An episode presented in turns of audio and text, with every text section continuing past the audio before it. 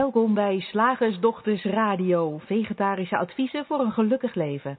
Linda Spaanbroek en Angela Mastwijk geven je een kijkje achter de toonbank van de menselijke ervaring. Hoe werkt het daar nu echt? Wij maken gehakt van ingewikkelde concepten en fileren met liefde ook jouw leven. Dat alles onder het motto geluk. Mag het een onsje meer zijn? Goedenavond luisteraars en goedenavond Angela. Hey, hallo Linda. Ook jij weer aanwezig helemaal vanuit Portugal. Ja, gelukkig wel. Ehm, ja. Hey, ehm, zoals gebruikelijk wil ik eh, onze luisteraars nog even attenderen op de mogelijkheid om je vragen aan ons te stellen.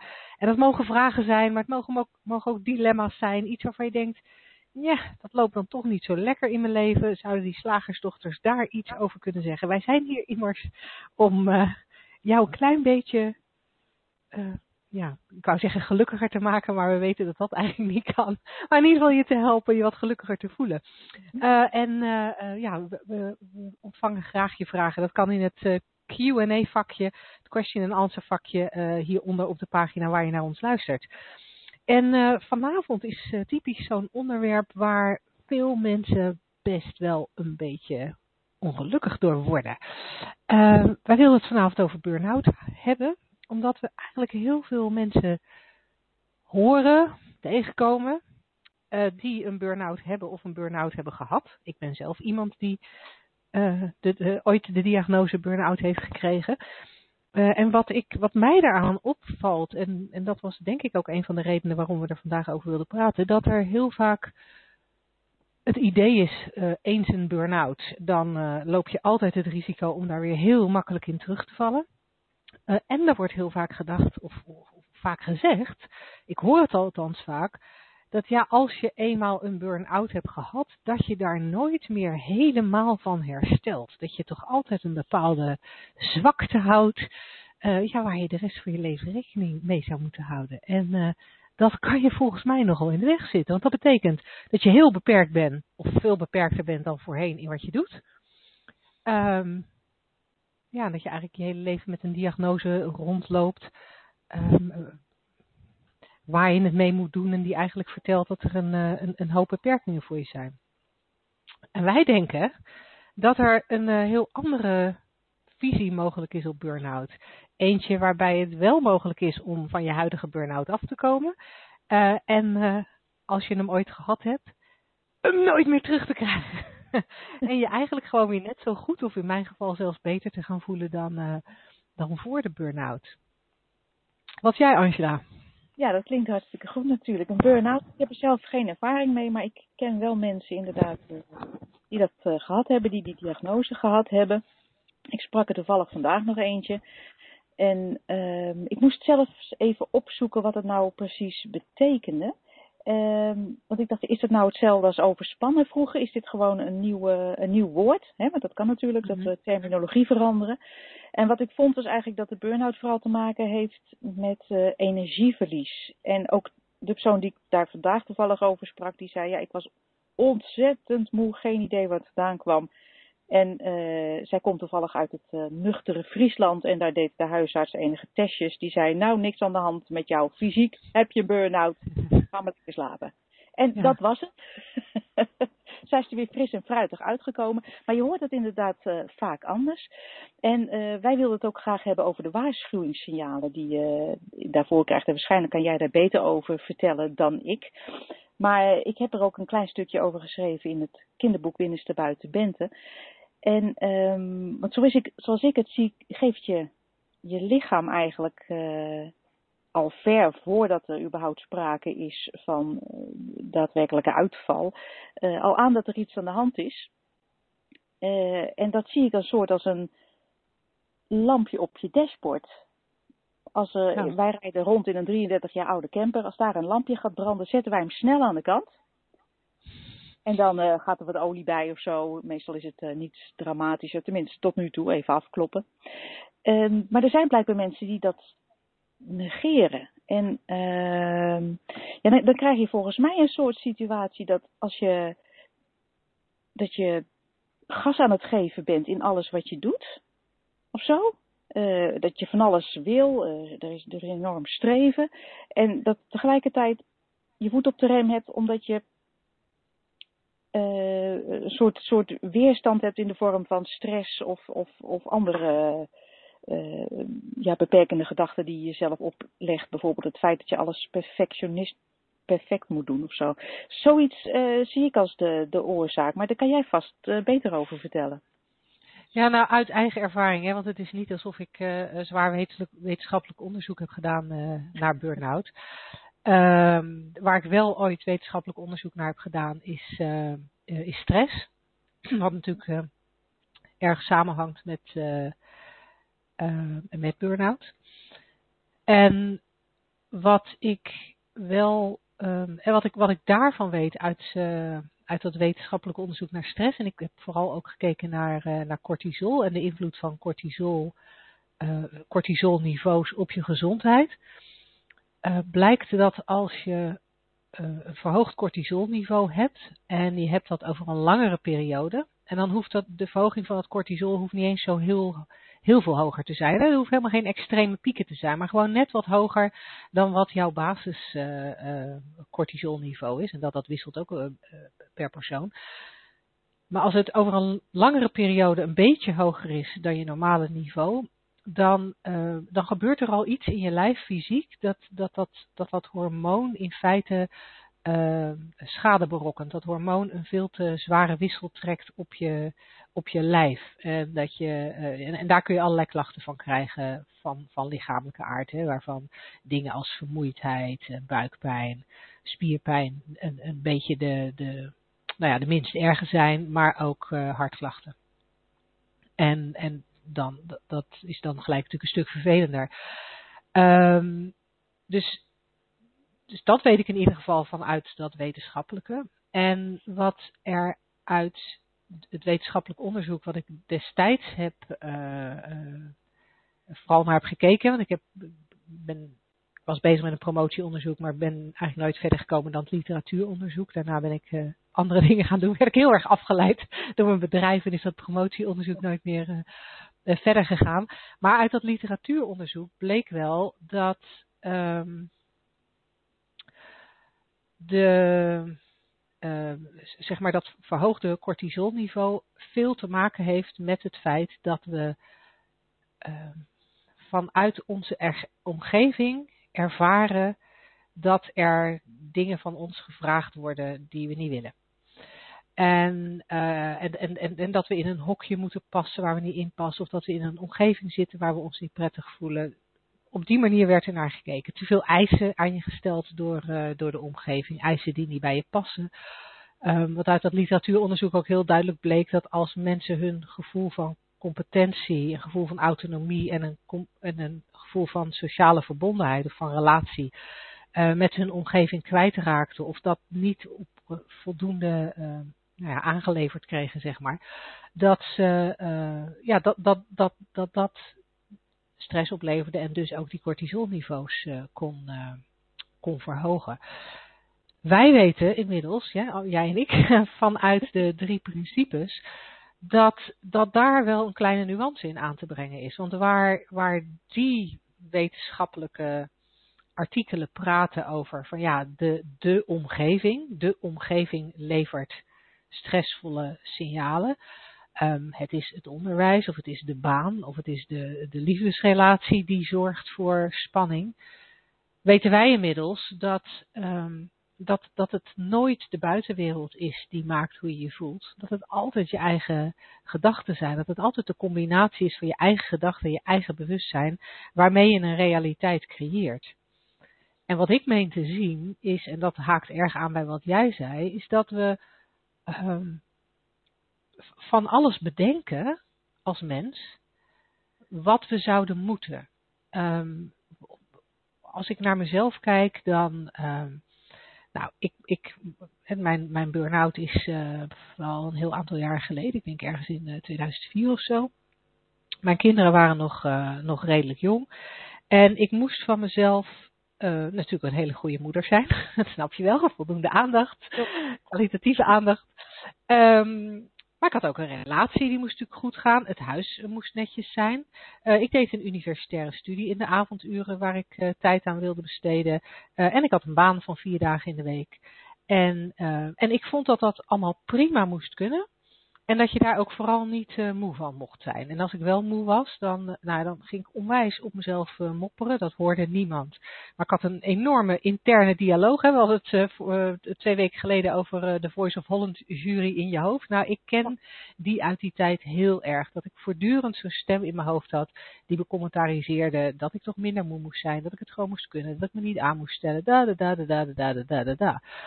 En er was ook er waren ook gedachten in mij dat het ook allemaal moest en allemaal belangrijk was. En vervolgens moest ik op de, ik werkte in die periode in het onderwijs, moest ik op de school, waar ik werkte, moest ik ook nog een trainersopleiding gaan doen.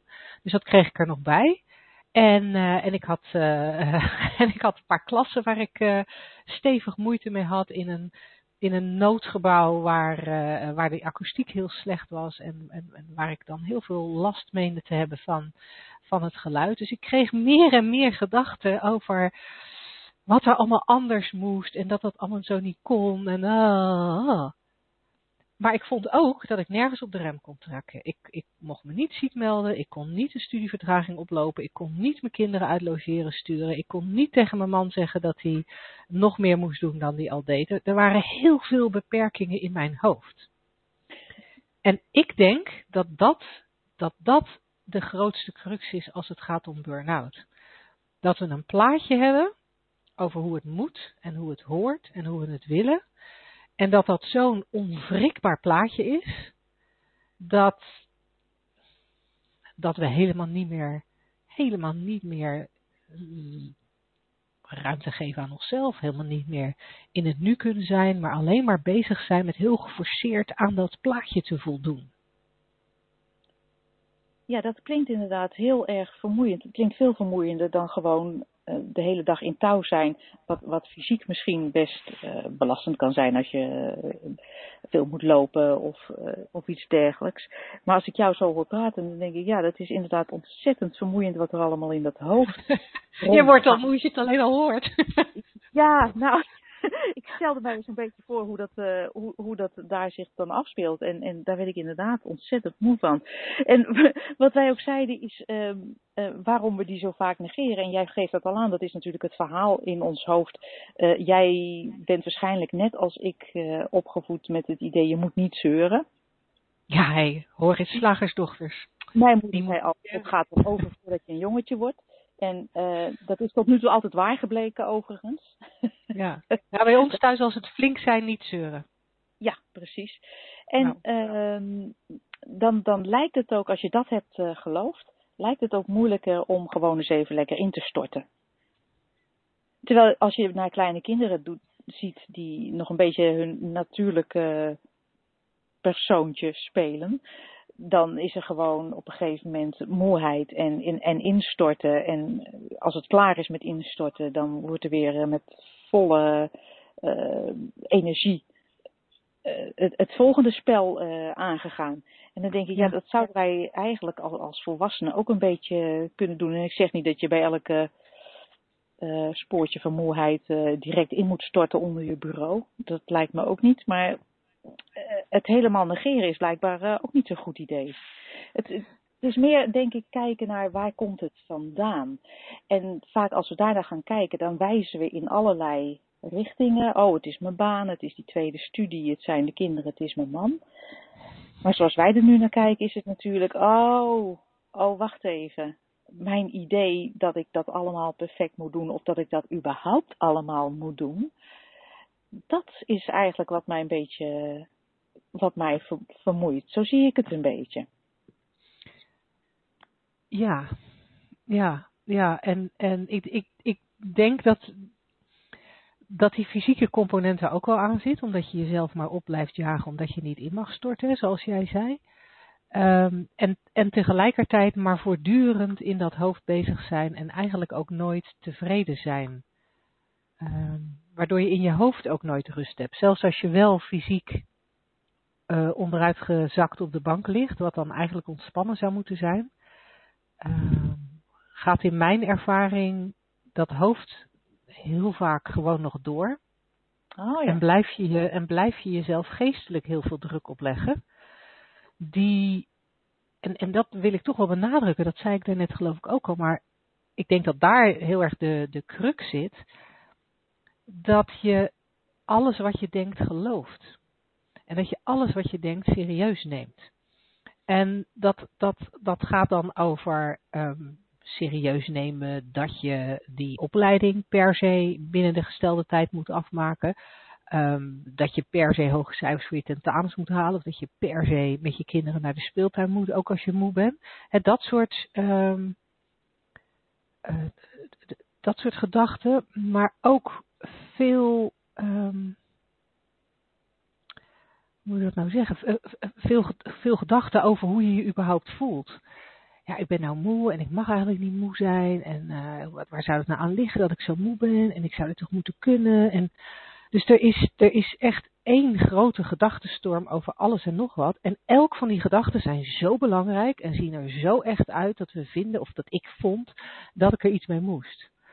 En, en dan komen, wat mij betreft, die drie principes in beeld. Want op het moment dat je gaat zien waar wij in deze radioshow naar proberen te wijzen. Als je gaat zien dat die levensenergie er altijd is. En, en toch wel doorstroomt. Of jij nou op de bank zit of niet. Of ik nou het tentamen haal of niet. Of ik nou wel of niet met mijn kinderen naar de dierentuin ga. En als ik weet dat de gedachten die ik heb in hun aard neutraal zijn. En dat ze alleen maar vorm en echtheid krijgen doordat mijn bewustzijn er een hele film van creëert. Mijn bewustzijn daar emoties aan geeft en smaak en reuk en kleur. Maar dat het feit dat mijn gedachten en mijn bewustzijn op die manier samenwerken nog steeds niet betekent dat het echt is. Dat dat alleen maar is wat er gebeurt. Dat dat, dat gaan zien, wat mij betreft, ervoor zorgt dat je van je burn-out afkomt. Therapieloos. Therapieloos van je burn-out afkomt. Maar sterker nog, er ook nooit meer in terugvalt. Nee, nou daar ben jij dus het levende bewijs van. Tenminste, ja. Ja, nou ja ik ben nog geen honderd. Nee, je bent nog geen honderd, dus we moeten over uh, een x aantal jaren nog maar zo'n radioshow doen. Maar ik, uh, ik, ben er, uh, ik heb daar een groot vertrouwen in. Want als je dit eenmaal doorziet, kan ik mij niet voorstellen dat je ooit nog echt super serieus neemt dat jij alles moet doen wat je denkt dat je moet doen en, en daar enorm stress van krijgt. Nou, sterker nog. Dus zou jij het dus, kunnen stellen?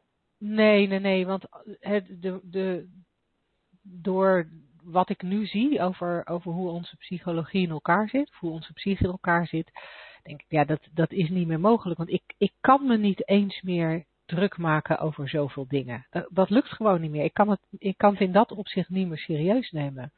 Je kan heel af en toe serieus nemen. Wat zeg je? Je kan jezelf gewoon niet meer serieus nemen.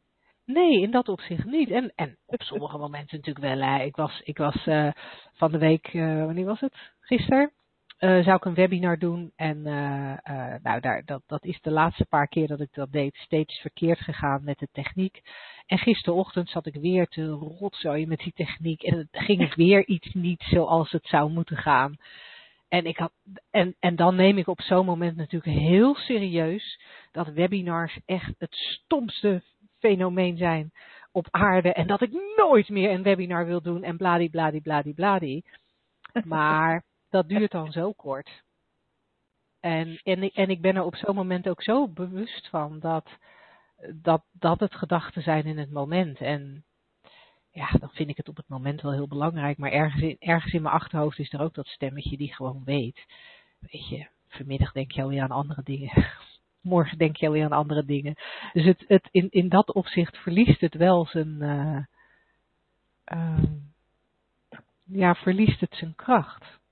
Ja. En, uh, ja, en, en, en is het dan weer veel makkelijker om, zoals we hè, ook in onze aankondiging zei, zeiden, om ook het vuur in jezelf weer terug te vinden. Om die inspiratie te herkennen. Want als er veel minder moet en als je veel minder serieus neemt, dan is er wel ruimte voor dat vlammetje dat in je brandt. Uh, om dingen te doen die je inspireren. Dat vind ik wel een fenomenaal gegeven. Ja, mooi is dat, hè? dat je gewoon weer helemaal opnieuw kan beginnen zonder restverschijnsel, zonder uh, iets met je mee te dragen of zonder een extra dreiging omdat je toevallig een keer in zo'n grote valkuil van het geloven van je gedachten bent gestapt. Dat dat allemaal Ja. niets betekent over eh, hoe je in de toekomst gaat functioneren. Heerlijk. Nee, nee, cool hè? Ja. hey, dan eh, denk ik dat ik genoeg gepraat heb. ben ik aan de beurt. Slagersdochters, wat zit er in de leverworst? Oftewel, tijd voor wat wetenschap. Wetenschap, ja, dames en heren. Ik heb mij deze week verdiept in eh, de visie van een socioloog. Eh, hij is inmiddels gepensioneerd. De meneer heet Peter Cohen, dokter Cohen. En, eh, hij werkte aan de Universiteit van Amsterdam en hij deed, ik las van hem de opmerkelijke uitspraak: verslaving bestaat niet. Ik dacht, daar ga ik eens in Ja. duiken. Deze man heeft meer dan 30 jaar heeft hij zich bezig gehouden met onderzoek naar drugsgebruik en ook drugsbeleid op de Universiteit van Amsterdam. En ook als directeur van de eerste Amsterdamse Drug Research Program. En sinds vanaf 96 tot aan zijn pensionering was hij ook nog directeur van, van een Europees Centrum voor Onderzoek eh, naar verdovende middelen. Eh, hij publiceerde talloze artikelen over drugs. En eh, zijn conclusie na 30 jaar onderzoek luidt dus dat er niet zoiets bestaat als verslaving. En dat vond ik nogal revolutionair klinken. En tegendraads. Daarom ook erg interessant. Nou, wat zegt deze meneer, dokter Cohen? Die stelt dat wij als mens verbindingen aangaan met van alles en nog wat. Met je partner natuurlijk, met je kinderen, met de buurman, maar ook met chocola. Met ehm, sommige mensen dus met drugs en andere mensen met hun smartphone, ik noem maar wat. Hij noemt dat, dat neutraal verbinden. En zelf geeft hij het voorbeeld van een eh, balletdanseres hè, in, in vergelijking met iemand die drugs gaat gebruiken, of zoals hij zegt, zich met drugs verbindt. Hij kent een eh, balletdanseres die al vanaf haar zesde wist dat ze balletdanseres wilde worden. En hij zegt, daar heeft ze voor geleden en al haar vrienden opgegeven. En haar leven was helemaal gewijd aan dat dansen. Er kon niets anders bij, ze had nergens anders aandacht voor. En toch, zegt dokter Cohen, niemand had de neiging om haar op een krukje te zetten om te vertellen dat ze moest veranderen en, uh, en haar leven te, moest verbeteren.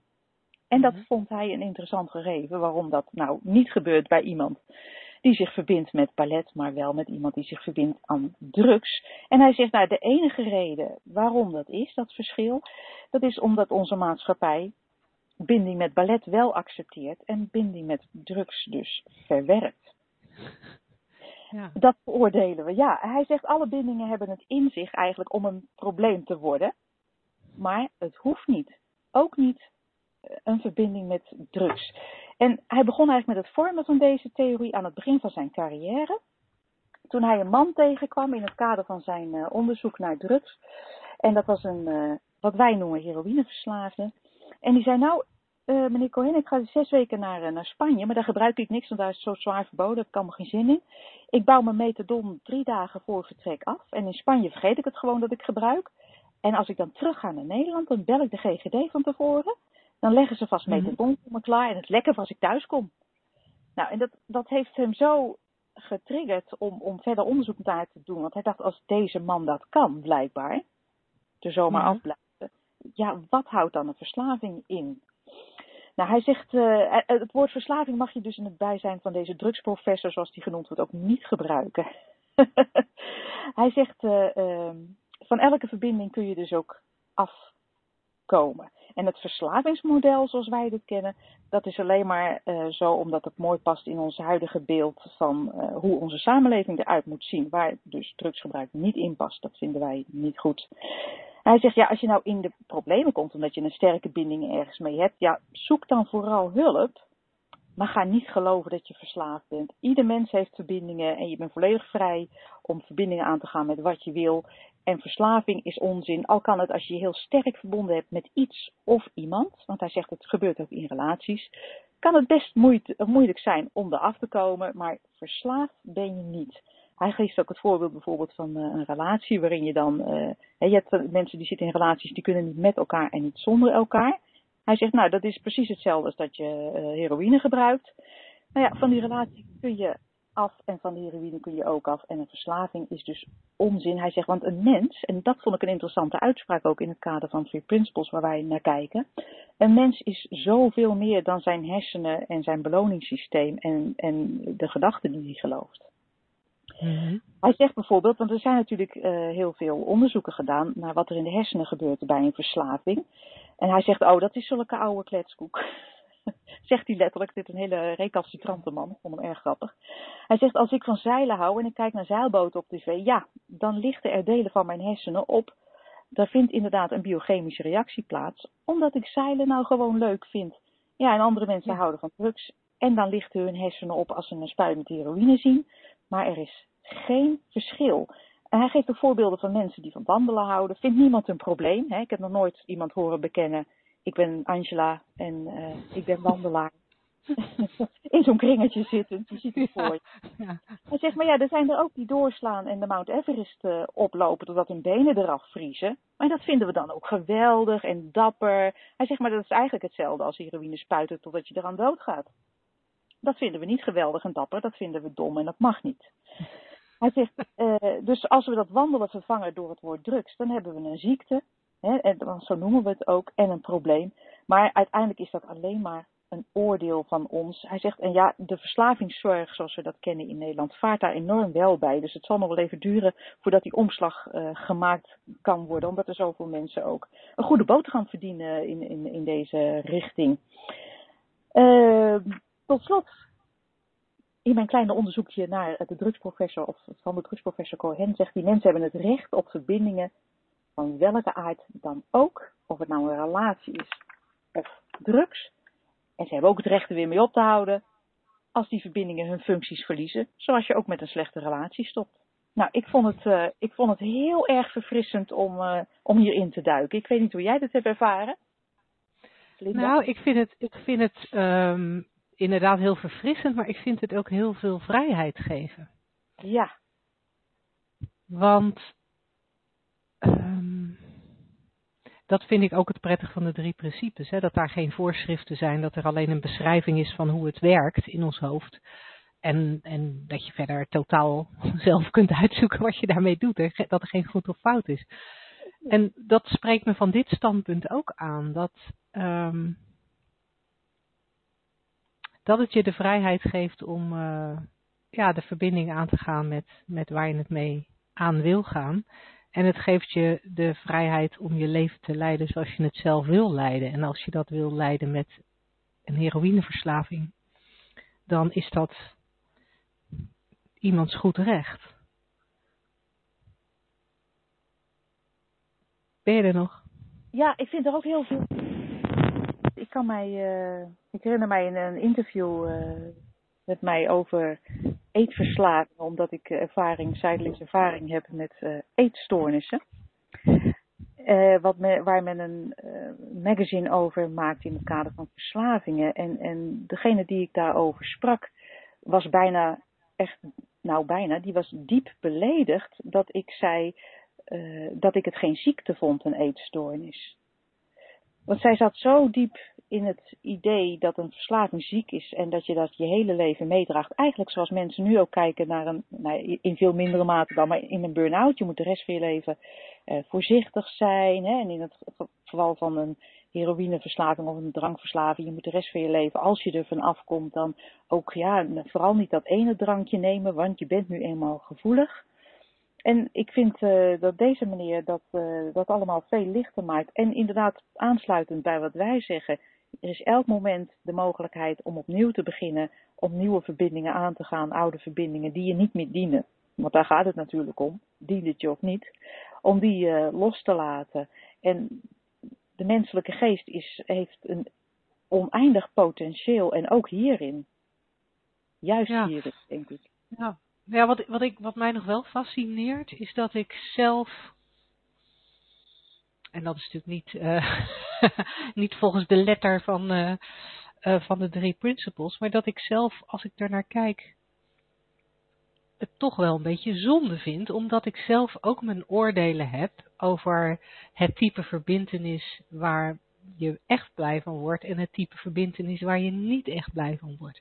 Ja. En ik gun iemand met een drugsverslaving die steeds meer, nou ja, in mijn perspectief, hè, ik besef dat het mijn perspectief is, maar die steeds meer aan de rand, aan de rand van de maatschappij eh, komt te staan. Verbinding verliest met zijn familie, omdat hij bijvoorbeeld eh, van ze stilt om drugs te verkopen. Verbinding verliest eigenlijk ook met, met, in mijn ogen met zichzelf, omdat alles nog om die drugs draait. Dat vind ik dan toch wel, ehm, dat vind ik dan toch moeilijk. En ik, ik kan wel mee in wat die man, hè, wat, wat professor Cohen zegt over eh, ja, elke vorm van verbinding die, die, waar, je, waar je in doorslaat is slecht voor je. Als je de, de Mount Everest opgaat en je laat je, je benen eraf vriezen, dan is dat ook niet goed voor je.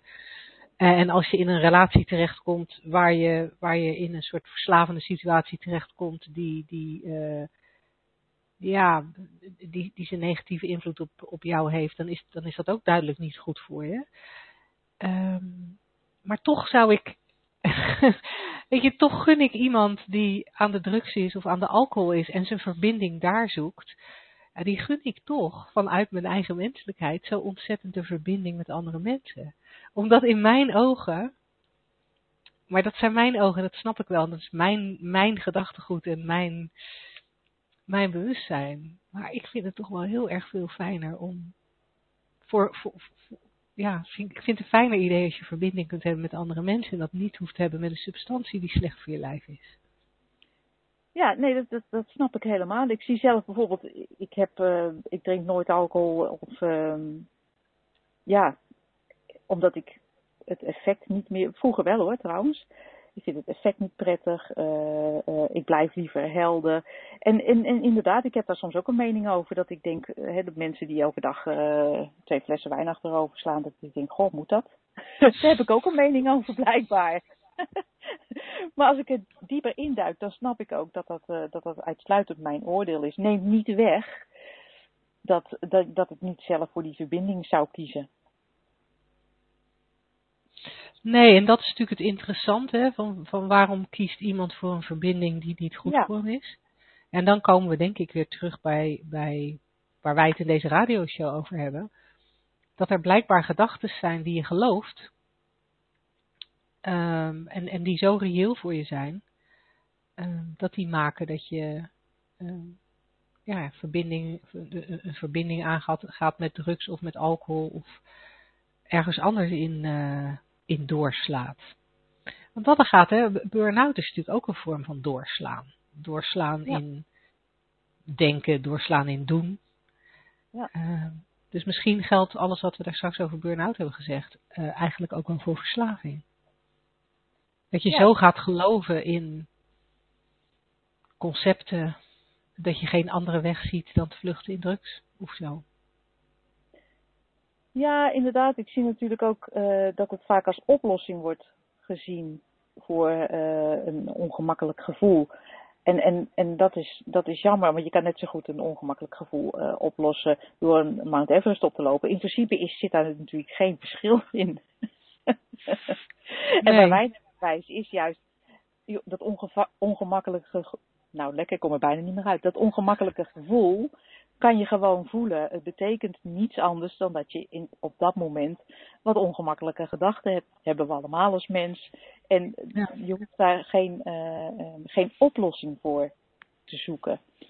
En ik denk als je een eh, verbinding aangaat uit plezier, zo- zonder dat je daar jezelf of een ander schade mee, mee berokkent, ja, niks mis mee. Maar ik zie, ik zie net als jij, en dat zal dan ook mijn oordeel wel zijn, dat als je een verbinding aangaat uit een ongemakkelijk gevoel, en dat kan dan eh, variëren van een beetje verveling tot diepe depressie. Als je van, daar vanuit een verbinding aangaat met een middel of met, of met iemand, ja, daar zie ik dan ook ehm, ehm, een wat mindere kant aan. Ja, ja. Hmm. Ja, heel interessant. Dat is ook dat, is- dat is iets waar je ook waar ik nog een uur over door zou kunnen filosoferen. maar het is tijd eh, voor ons volgende onderwerp. ja, Zeg, slagersdochters, hoe bak ik die vegaburger? Over naar de luisteraarsvraag. de Ja, luisteraar. voordat ik. Ja, Ja, had jij er een binnengekregen via e-mail? Nee, helaas niet. Oké, nou, er is er wel één binnengekomen op de lijn. Oh. Eh, maar eerst even, nog eerst nog even dankjewel voor, uh, voor deze wetenschappelijke input. Daar was ik even vergeten te zeggen. Um, er is een vraag uh, van Pascal. En die schrijft, mooi verhaal over burn-out. Maar hoe verklaar je dan dat ik nog steeds elke ochtend doodmoe wakker word en mezelf door de dag moet slepen?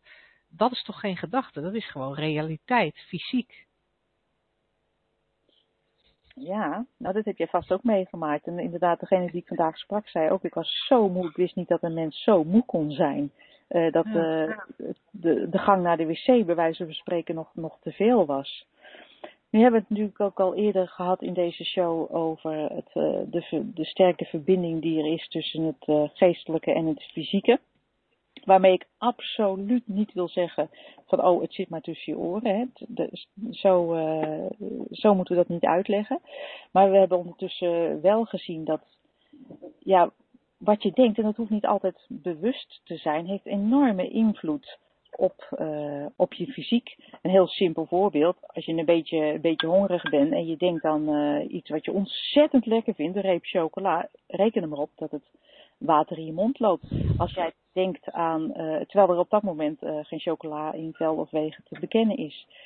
Um, als jij enorme angst hebt om in het openbaar te spreken en je, je, je bedenkt je nu dat, dat je volgende week voor duizend mensen je verhaal moet vertellen. Ik denk dat je al een klein beetje begint te shaken, een fysieke reactie op een gedachte. Hè? Want in, in het nu ja, gebeurt ja. er niks. En zo kan je door aan van alles te denken je, jezelf uh, fysiek allerlei sensaties doen ondergaan. En dat is niet dat ik zeg van, oh, dus je, je denkt jezelf een burn-out in. Maar het is wel een, een, uh, een aanwijzing dat het enorm veel met elkaar te maken heeft. En zoals jij hebt ervaren, al die gedachten in je hoofd, zoals je beschreef, je ligt dan lekker op bed, of in het geval van de vragen stellen, je slaapt. Maar nog steeds is er eigenlijk uh, in dat hoofd, een, een, een, een, gaan er enorm veel gedachtentreinen. Het is een soort centraal station van Utrecht.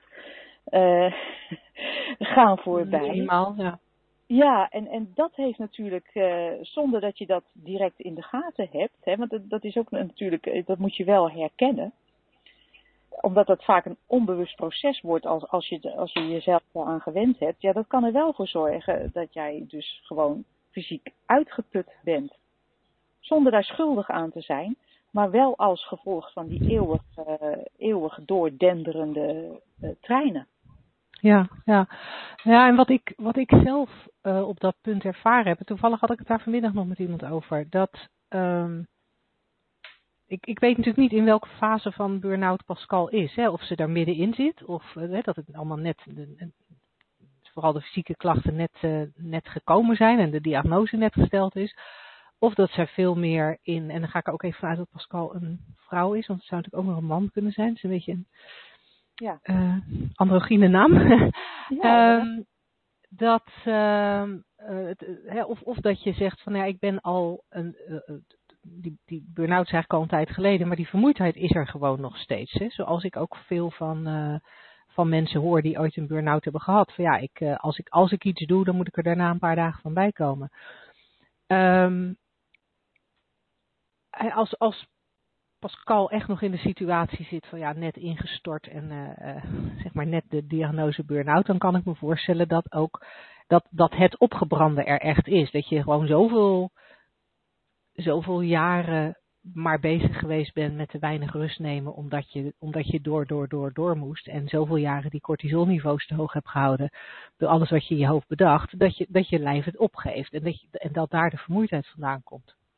Wat ik zelf heb meegemaakt, en dat, dat gaat dan eigenlijk veel meer over het traject uh, daarna. Want ik had met mijn burn-out ook dat ik wat mijn bed niet meer uit kon, maar dat ging op een gegeven moment wel weer beter. Dat lijf dat rustte wel weer uit. Maar ik hield, ik hield gebrek aan energie. En niet, niet eventjes, maar jaren. En ik, ik zat daar ook heel erg mee. En, en ik was me er ook heel erg bewust van. En ik was er ook onwijs veel mee bezig. Die vermoeidheid had eigenlijk um, heel veel gedachtenruimte overgenomen van allerlei andere gedachten die ik eerder had. Hè, waar, ik, waar ik dan door die burn-out en de therapie die ik had gehad wel had geleerd dat ik niet zo perfectionistisch hoefde te zijn. Dat ik mezelf niet op hoefde te jagen, bla bla bla bla bla. die gedachten waren dan wel een beetje weg. Weggetherapied.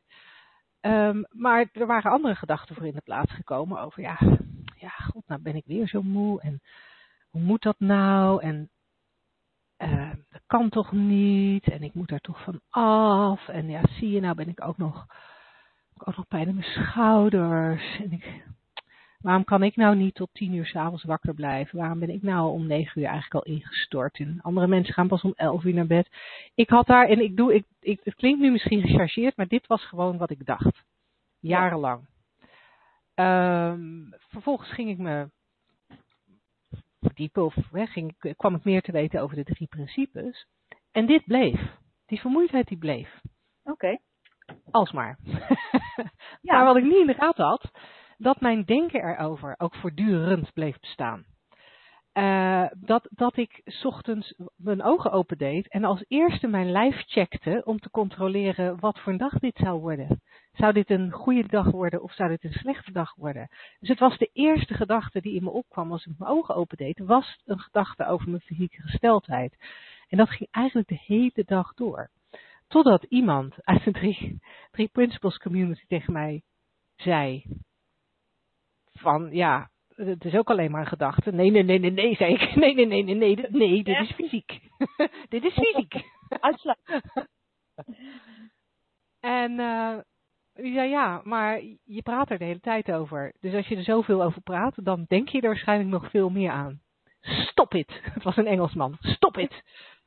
en uh, ik vond dat niet cool. Ik vond dat echt helemaal niet leuk. Maar ik, ik zei Engelsman, Engelse vrouw. Ik vond het echt niet cool. Ik had echt zoiets van, als jij nou een van mijn beste vriendinnen bent en je neemt me zo weinig serieus en je zegt dit tegen me, dan begrijp je helemaal niets van mij. Dat was mijn eerste gedachte. En uh, ik heb op dat moment mijn mond gehouden. En later, die middag, de volgende dag, ik weet het niet precies. Ik heb het een beetje, ik heb, ik heb het een beetje op, op het uh, achterste gaspitje in mijn hoofd gezet. En op een gegeven moment dacht ik, nou ja, ik zie het niet. Ik geloof het ook niet dat mijn lichamelijke gesteldheid ook maar iets te maken heeft met het feit dat ik uh, te veel zou denken aan vermoeidheid. Want net als wat Pascal beschrijft, die vermoeidheid voelde gewoon heel echt. Maar ik had wel zoiets van, ik kan in ieder geval stoppen met daarover te praten. Ik, ik had niet het idee dat ik kon stoppen met daarover na te denken, maar ik kon wel stoppen met daarover te praten. En ik heb me toen voorgenomen om gewoon niet meer te praten over mijn lijf. In de zin van uh, uh, of er iets mis was met mijn lijf. Dat heb ik gedaan. En uh, het is grappig ook. Niemand die, die, die is bij me informeerde van joh, ik hoor je nooit meer over je lijf. ik hoor je nooit meer over je vermoeidheid. Hoe is het daarmee? het was voor mijn vrienden blijkbaar sowieso al een non-issue. En ik ben gestopt met daarover te praten. En wat ik merkte, is dat met de tijd ik er ook minder over nadacht. En toevallig kwam het vandaag, eh, vanmiddag met, met, met iemand even ter sprake, ook omdat we vanavond de radioshow over burn-out zouden doen, en daar had ik het even over, kwam het even ter sprake. En toen, en toen werd me ineens heel bewust van, hé, hey, dat afchecken van mijn lijf, dat doe, ik, dat doe ik inderdaad niet meer. Ik word nu ochtends wakker. En dan denk ik ook niet meer aan mijn lijf. En ja, dan, dan kan ik nog wel eens, ik had toevallig gisteren werd ik wakker met een beetje rugpijn. Dan kan ik nog wel eens denken van, goh, jeetje, mijn rug. Maar ik heb niet meer die, dat hele gedachtenspoor erachteraan over wat het betekent dat ik pijn in mijn rug heb. En wat dat betekent voor mijn werk, wat dat betekent voor mij, wat dat betekent over mij, wat dat betekent voor de toekomst, uh, waar het vandaan komt. Het blijft nu veel meer bij een constatering, oh, ik, ben, uh, ik heb een rugpijn. Of gisteren was ik op, op ziekenbezoek in het ziekenhuis. Dan zit je op zo'n warme kamer. en dan word je heel doezelig van. Dus ik, ik zat smiddags om drie uur echt te geven alsof ik, uh, alsof ik een baby was. En, waar, en vroeger zou ik gedacht hebben, shit, wat is er mis met mij? Ik ben zo midden op de dag moe. En ook die gedachte heb ik niet meer. Ik kom dan niet verder dan, goh, ik heb slaap. En uh, ja, dan loop ik naar de auto en dan denk ik nog een keer, goh, ik heb slaap. Maar er komt niks meer achteraan. Het is, het is, goh, ik heb slaap, punt. En ik vraag me af of, nou ja, Pascal, je moet zelf maar zien of je iets uit dit verhaal kunt oppikken. Ik zou me ja, ik vraag me dan af of, of er, of er iets voor jou ook uh, uh, ja, op, op dit front uh, te zien is of te leren is. Of het voor jou ook mogelijk is om, om meer een punt te zetten. Van, oh, mijn lijf voelt moe, punt. Of ik heb slaap, punt. Of ik ga vroeg naar bed, punt. Zonder daar dingen aan te verbinden. Ik vind het, uh, ik vind het een hele mooie, mooie uitleg voor, van je, Linda. Ik ben heel blij dat jij uh, daar zo'n. Uh, nou, ik ben niet blij dat je er ervaring mee hebt, want dat had ik je niet gegund. Maar ik ben blij dat je daarom eruit gekomen zijt, het zo helder uit kan leggen hoe het, hoe het zit. Dank je ja, nou, ik, hoop, ik hoop dat Pascal daar ook iets aan heeft. Ja, dat hoop ik. Woensdag, gehaktdag. Zeg slagersdochters, welk concept gaat er vandaag door de molen? Oeh, wat zullen we eens fijn malen, Lisa. Je hebt, het, uh, je hebt het hier in mijn boekje staan. het klinkt als een opdracht, meer als een opdracht dan als een concept, maar ik hoor hem regelmatig. Je moet uit je comfortzone, is het. Je moet uit je comfortzone. Vaak wordt dat dan ook nog gevolgd door uh, een soort uh, uh, zin als, want daar gebeuren de wonderen. Of uh, ja, hè, buiten je comfortzone, daar gebeuren de wonderen. Of uh, in ieder geval, uh, er schijnt iets te zijn buiten een bepaalde zone waar dan de magie plaatsvindt. Wat vind jij daarvan? Ja, ja nou, ik moet er ontzettend om lachen, omdat het in, in, de, in de business coaching hoek waar ik zit, is het natuurlijk een gevleugelde uitspraak om te zeggen dat je uit je comfortzone moet komen. En inderdaad, wat jij aangeeft, ja, buiten die comfortzone is het paradijs. Ah. Hoe het paradijs er een beetje uitziet, dat is voor iedereen verschillend. Um, en, uh, maar ik, ik, ik, ben op het moment ook een programma op tv aan het uh, volgen. Dat heet uh, Filemon staat strak. En dat gaat over een presentator die van zijn, uh, nou ja, zoals een van de trainers in het programma dat zei, van zijn kinderlijfje een gespierde bodybuilderslijf wil maken. En daar wordt ook alsmaar gezegd dat hij daarvoor uit zijn comfortzone moet komen. Oh, ja. En bij hem is het heel fascinerend om te kunnen zien dat hij, nou, hij heeft een lijf, het, het lijf wat hij heeft. Ja. En blijkbaar is hij daar zijn hele leven, heeft hij daar oké mee kunnen leven. Uh, heeft er alles mee kunnen doen wat hij ermee wilde doen.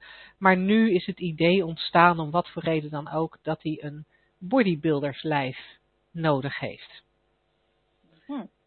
Nou, dan, zie, dan, dan kom je al van, nou, dat is, dat is mooi bedacht dat dat nodig is. Ja. Maar het is wel bedacht. Het slaat nergens op. Um, het is niet erg dat hij het bedacht heeft. En het is ook niet erg dat hij het doet. Maar nee. hij had net zo goed iets anders kunnen bedenken. En um, vervolgens uh, ja, moet hij daar wel voor uit zijn comfortzone. En dan, dat, dat komt er dan vooral op neer, zie ik, dat je heel veel dingen moet gaan doen die je helemaal niet wil en die je heel vervelend vindt. Dus je moet vooral nu je heel vervelend en een beetje ongelukkig voelen en bang en weet ik het allemaal, zodat je later in het paradijs kunt zijn. Waar de magie heb je. Ja. ja, waar de magie plaatsvindt. Ja, dat is eigenlijk beter dan het paradijs. Dat je later die magie kunt ervaren.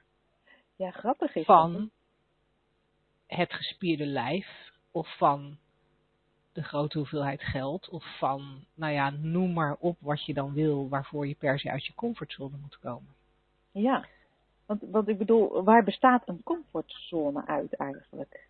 Uh, ik kan me voorstellen dat, dat we er iets bij uh, bedacht hebben als, nou, dat zijn uh, de dingen die je altijd al doet of zo, een soort, soort eh, gewoontes waar je in zit, of een soort grenzen die je voor jezelf gesteld hebt. ja, ik dus vind, ik vind ja? Ik vind comfortzone. Het woord comfort klinkt voor mij als fijn, prettig. Ja. Dus ik heb eigenlijk het idee dat de comfortzone is waar je je fijn en prettig voelt. Ja, ja.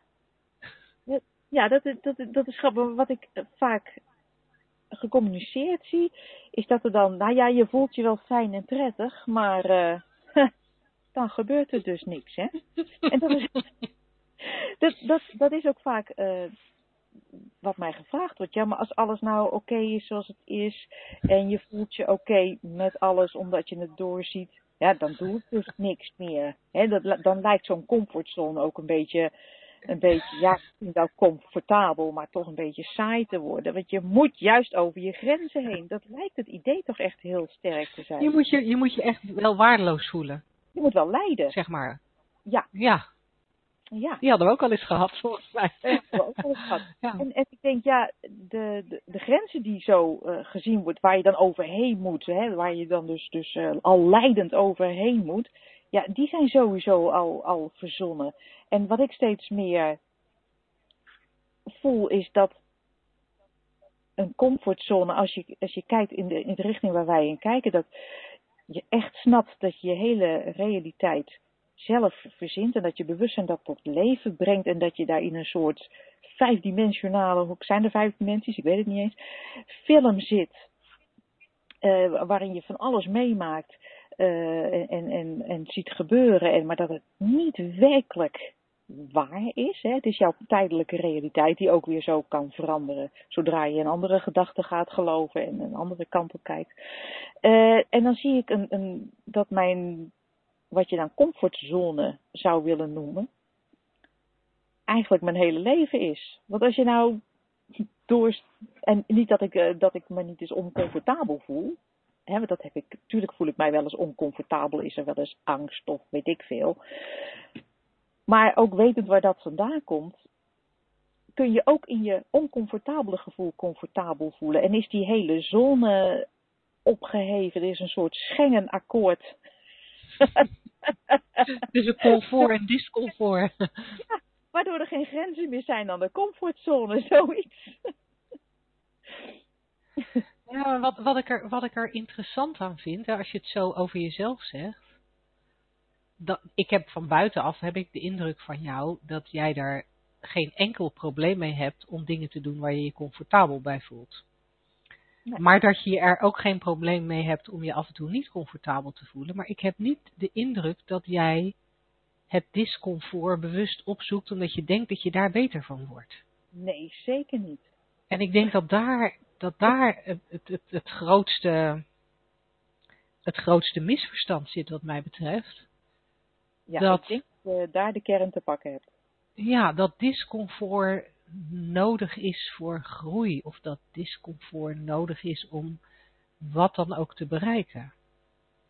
Ja, precies. Ik zag, nou, dat is ook grappig. Ik zag van de week inderdaad een filmpje waarin een, eh, een alleraardigste man uitlegde dat, ja, als je je niet zo lekker voelt, eh, dat is gewoon, eh, dat is net als een krab die uit zijn eh, schelp groeit. Hè? Dus daar moet je even doorheen uit je comfortzone. Dan gooit hij die schild af en dan wordt het een grotere, mooiere krab. En toen dacht ik nog, ah, is dat zo? En nou ben ik even mijn, de draad van het verhaal kwijt, want ik had er nog een enorm prachtig punt achteraan. Maar die is nu volledig verdwenen. Daar heb ik ook wel last van. maar ja, die, die grens is gewoon imaginair. Dus, dus je hoeft dat ook inderdaad eh, niet op te zoeken en, en, en er doorheen te pushen. Nou, leuk. Ik Nee, punt het is echt-. Wat zeg je? Ik ben mijn punt kwijt, maar het maakt niet uit. Ja, nee, dat geeft niet, joh. Ik, ik, ik, ik wilde nog wel wat zeggen. Misschien komt jouw punt dan vanzelf weer boven. Ik merk zelf dat ik het eh, echt onwijs lekker vind in de comfortzone. En wat ik ook merk, dat naarmate ik ehm, meer inzicht krijg in de drie principes en meer snap dat ik mijn eigen realiteit creëer en dat alles waar ik bang voor ben ook maar een illusie is, ehm, mijn comfortzone lijkt wel groter te worden. Ik doe nu af en toe dingen die ik drie, vier jaar geleden niet gedaan zou hebben.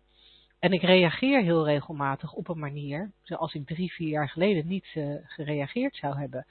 En, en, en dat fascineert me heel erg. Dat er, dat, zeg maar, ik maak daar een beetje uit op dat die, die grens van de comfortzone, dat dat ook alleen maar een grens is door alle gedachten die wij hebben over het leven en over wat we moeten en hoe de dingen zijn en horen.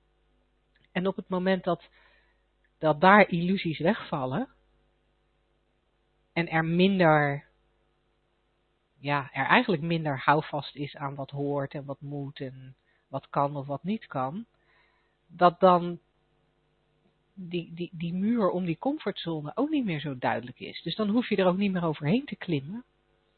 Met heel veel moeite, zodat je buiten je comfortzone komt. Maar dan beweegt die comfortzone blijkbaar met me mee. En, en, en doe ik vrijwel altijd dingen binnen mijn comfortzone. Alleen er zijn dagen waarop er dingen in mijn comfortzone zitten die vroeger niet, of soms op een andere dag zelfs niet in mijn comfortzone zitten. Als je snapt wat ik bedoel. Ja, dat, je hebt een soort variabele comfortzone afhankelijk van de staat van zijn waarin je je verkeert. We hebben hier ook wel eens een gesprek over gehad in, in, uh, in naar aanleiding van een boek, uh, de, de Surrender Experiment, weet je nog? Mm -hmm. in dat boek uh, heeft een man op een gegeven moment besloten overal ja op te zeggen, alle verzoeken die hij krijgt, ook al heeft hij daar intern eigenlijk hevig verzet tegen. En daar hebben we toen ook een gesprek over gehad van ja, er zitten uh, meerdere kanten aan. Dat heeft ook iets te maken met comfortzone. Zeg je nou ja, terwijl je het eng vindt, een soort pushen door je limits heen, zoals jij ziet uh, op, op televisie, en dan uh, met als doel uh, een, een, een betere toekomst. Of snap je gewoon op een diep niveau dat wat jij ook aan oncomfortabele gevoelens voelt, dat dat gewoon volledig verzonnen is.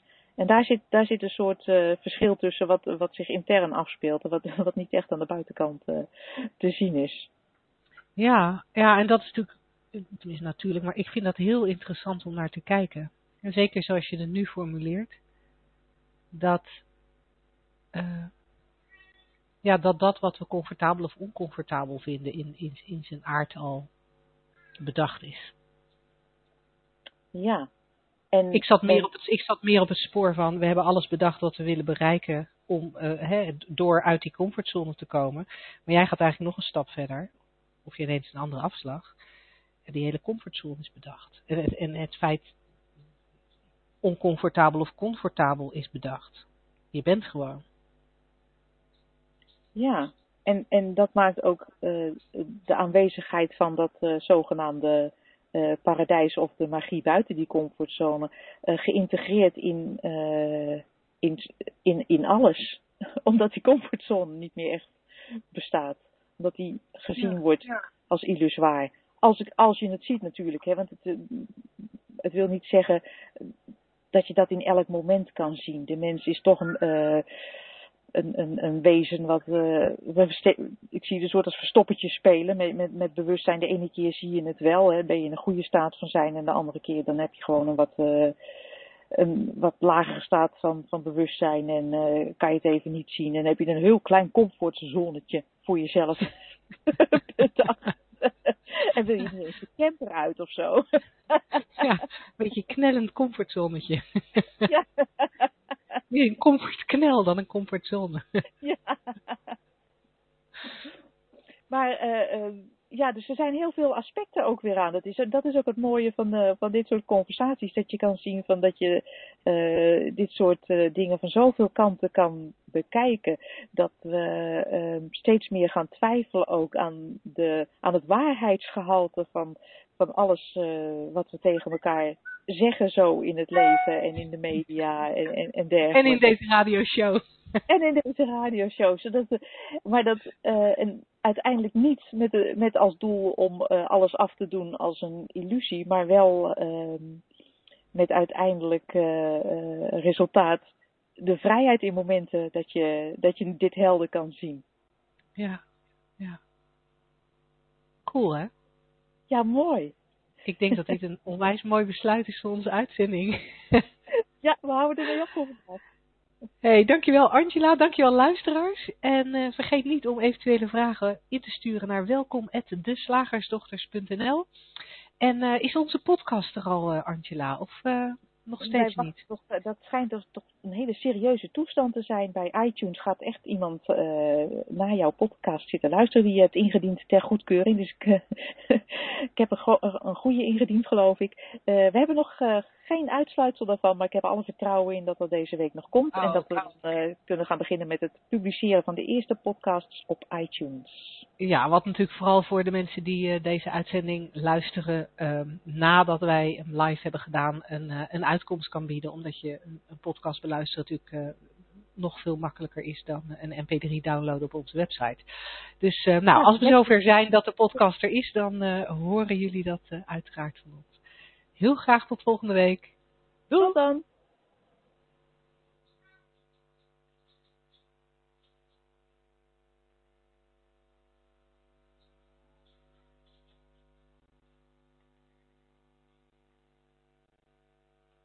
The moderator has left the conference.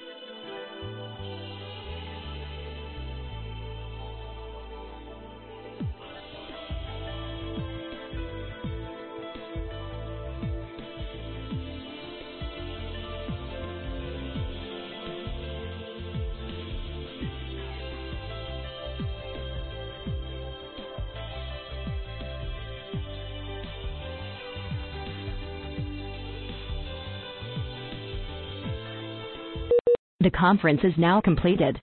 Goodbye. Welcome to the conference. Please enter the conference ID, followed by the pound key.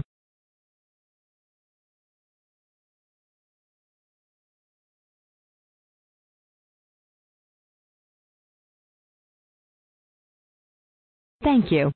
Guest ID accepted.